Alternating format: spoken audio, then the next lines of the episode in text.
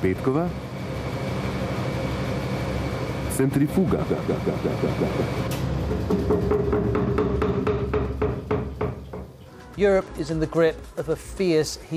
In tutta Europa le squadre di soccorso continuano. Heute ist der heißeste Tag bisher in diesem Jahr.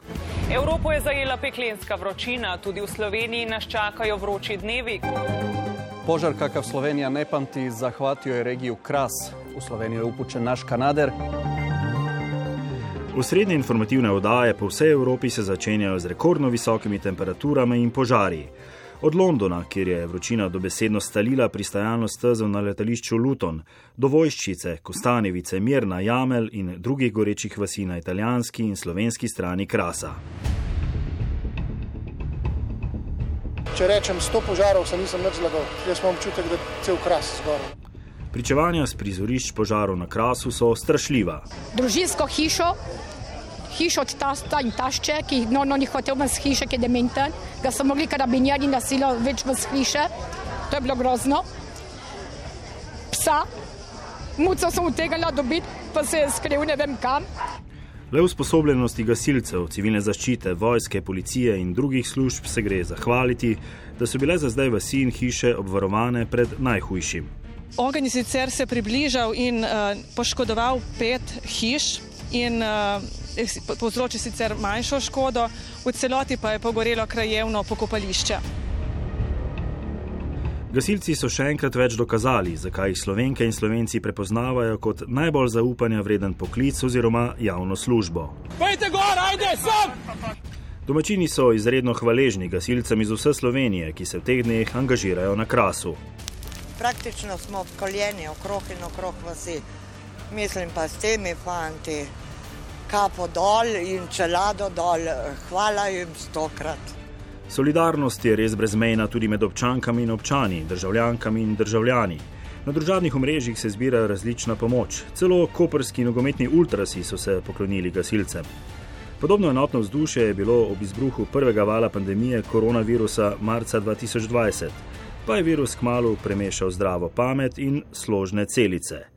Tudi ob začetku vojne v Ukrajini je bilo čutiti neskončno solidarnost in podporo. Zdaj pa je naprimer že mogoče ujeti zgražanje nekaterih nad voznim parkom z ukrajinskimi tablicami na slovenskih cestah in še kaj nam gre v nos. Ljudje kmalo pokažemo svoje prave obraze. In tudi ob tokratni katastrofi je že zaznati celo dvome v resničnost požarov, pa samo promocijo, celo firbce. Nekateri politiki in njih spletni troli za nastalo situacijo obtožujejo kar nevladne organizacije. Ob tem se zdijo pobudniki meditacije za dež na primorskem in dimalačni gurmani iz katastrofalno onesnaženih obaljnih mest še najmanj škodljivi. Mene prav lepo diši, to ni una, bi rekel, veste, ko gori nekaj smrdljivega, prav, prav aroma. Kot kožar delaš, isto. Seveda pa požari na krasu zastavljajo tudi nekatera globlja vprašanja in odpirajo nezaceljene rane.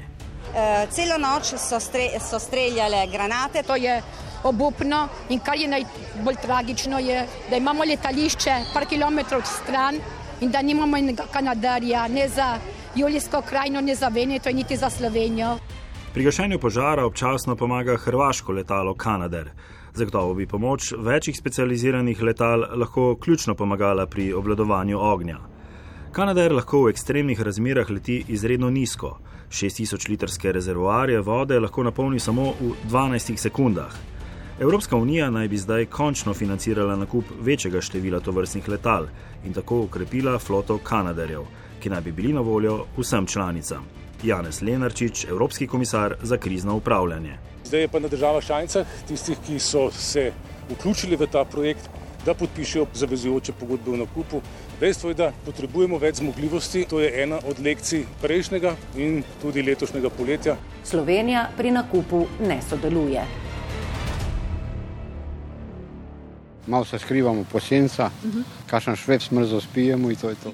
Kmalo se lahko zgodi, da bo res lažje spiti kakšen šveps, kot pa kozarec vode iz pipe. Pomankanje pitne vode v Istri bi lahko prineslo redukcije, prve po letu 1987. Da imamo vsaj pitno vodo in za sumiti. Tudi če tako bi bile cisterne to. Tudi tako dalje smo prišli, da zdaj bomo srečni, če imamo vsaj vodo za pit. Gre za še en konkreten simptom in opozorilo narave o podnebnih spremembah. In tudi za epilog slabega strateškega razmisleka. Rižanski vodovod je že skoraj 90 let edini vodni vir za to območje. Nov vodni vir za slovensko istro je kot drugi tir. Če je na tirih le nekako steklo, je kozarec pri vodooskrbi zaradi zamujenih priložnosti videti na pol prazen, skoraj suh. Država kljub številnim načrtom 90 tisoč prebivalcem slovenske istre ni uspela zagotoviti dodatnega vira vode, ugotavlja radijska novinarka Tjaša Škamperle so bile občine nespretne, neenotne in se kdaj niso strinjale s ponujeno rešitvijo, so, a zaradi tega prebivalci ne bi smeli postati ujetniki grožen redukcij, ki bodo tudi grožnja javnemu zdravju. Če smo z upisom pitne vode v ustavo mislili resno, naj država poskrbi, da ta pravica ne bo kratena, komentira naša koperska kolegica Tjaša Škamperle. Žal vsi strani še niso razumeli resnosti razmir, sicer ne bi prali avtov in se tuširali dvakrat na dan. Lahko se strinjamo, da so pri velikih porabnikih še rezerve, a predlog koperskega župana, ko v isti sapi omeni zapiranje mladinskega zdravilišča, prisilni dopust vojakov in omejitve v pristaniški dejavnosti, ne more piti vode. Kdo pije in kdo ne pije vode, oziroma kdo bo plačal za pitek, pa je bilo zadnje dni ključno vprašanje tudi na domačem političnem prizorišču.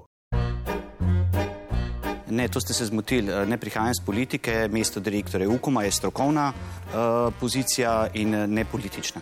Kdo je stroka, kdo je politik, kdo je nastavljen, kdo nastavlja.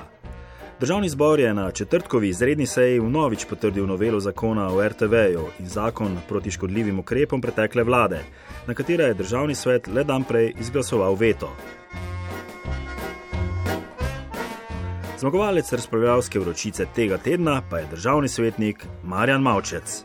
Narediti smo hoteli samo to, da se zadeva zaustavi, da ne greste z eh, Johnom v ta zakon, ker bo samo škoda. Z Johnom v zakon. Za nepoznavalce futbalerščine John slengovsko pomeni štart pod platom, ki je često zrel za rdeči karton, torej za izključitev. Je pa ljudje božji, pa tudi če so vesolci prišli v to vlado. Ampak svetnik Maučec se ni ostavil z Johnom, pregraval je naprej vse do ruskih klasikov in ustrelil direktno na gol. Na pamet se je, po lastnih besedah, skliceval na idiota. Verjetno bi morali vedeti, ali pa nekdo jih naj pove, da je Dostojevski v, eh, v svoji knjigi Idiot napisal, da ni toliko pametnih, da ne bi kaj narobe naredil, pa ni tako tak, nišče si tako neumni, da ne bi nekaj dobrega naredili.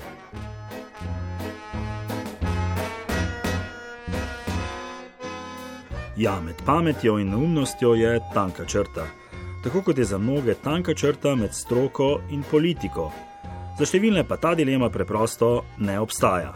Generalni direktor RTV Andrej Grah Votmov je prepričan, da je zakon namenjen le obglavljanju javnega zavoda. Ob očitkih vse večje politizacije RTV hiše pa se mu naprimer ne zdi sporno, ker je v kratkem zaposlil dva izpostavljena kadra SDS-a. Eden je postal vodja pravne pisarne, drugi pa je bil imenovan za direktorja televizije. Pač to vidim kot nekaj normalnega. V politiki je lahko marsikaj normalno, ne glede na to, ali gre za Džone, Uroše, Janeze, Andreje, Marjane, Borut. Jožete, Tanje, Luke, Roberte. Tudi novi premijer Golob zna preigravati, streljati in ustreliti kozla.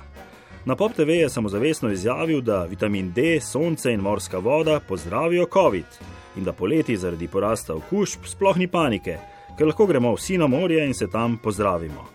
Ker je šlo po njegovem mnenju za čisto resnico, je bil teden dni pozneje dr. Golob že bolj previden.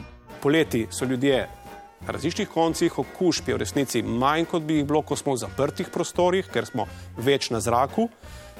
Jeseni pa so, imamo tako pravka že tako, tako z manj ugodnimi vremenskimi razmerami, hkrati pa tudi več druženja. Politiki si lahko dovolijo veliko več kot strokovnjaki, oziroma se politikom rado zazdi, da so strokovnjaki prav za vse in da so poklicani razlagati svet. Dr. Jim Al-Khalili je britanski fizik in popularizator znanosti. Pred dnevi smo ga v javnem intervjuju prek Zuma gostili tudi na valu 202. Dr. Al-Khalili je izpostavil pomembno dejstvo.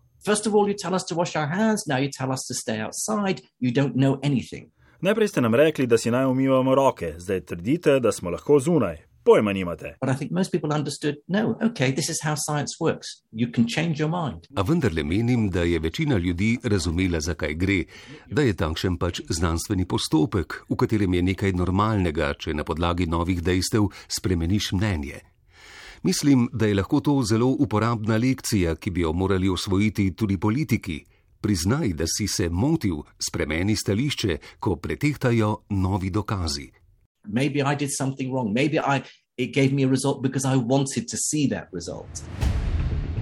Narimo si torej čiste pitne vode.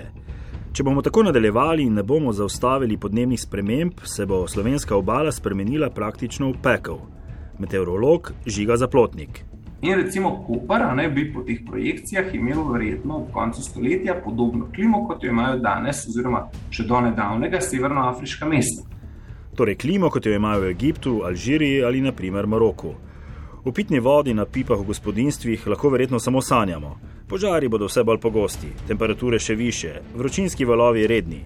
Klimatolog Gregor Vrtačnik to bo verjetno za Slovenijo največja težava v, v prihodnosti. Se pravi, da bomo imeli dolge, dolga obdobja z skromnimi padavinami, pa hkrati hudo vročino. In to recimo letos, to smo letos že prav lepo videli. Uh, junija in pa tudi v začetku julija, zlasti na primorskem, kakšne, kakšne težave predstavlja suša v kombinaciji z vročino suša v kombinaciji z vročino. Ja, kratkoročno nam torej ostane le upanje, da se požari na krasu pogasijo in da se ne vnamejo novi, da bomo imeli dovolj pitne vode, da se bo vročina umirila in da morda pade večja količina dežja. Za dolgoročno znosnejšo podnebno prihodnost pa se bomo morali krepko potruditi. Sicer bo apokalipsa zdaj, tokratnega tedna, prišla na redni spored. V vročici julijskega tedna sva centrifugirala Klara Otorepec in Luka Hvalc. In ja, tudi pri pranju perila smo lahko varčni z vodo.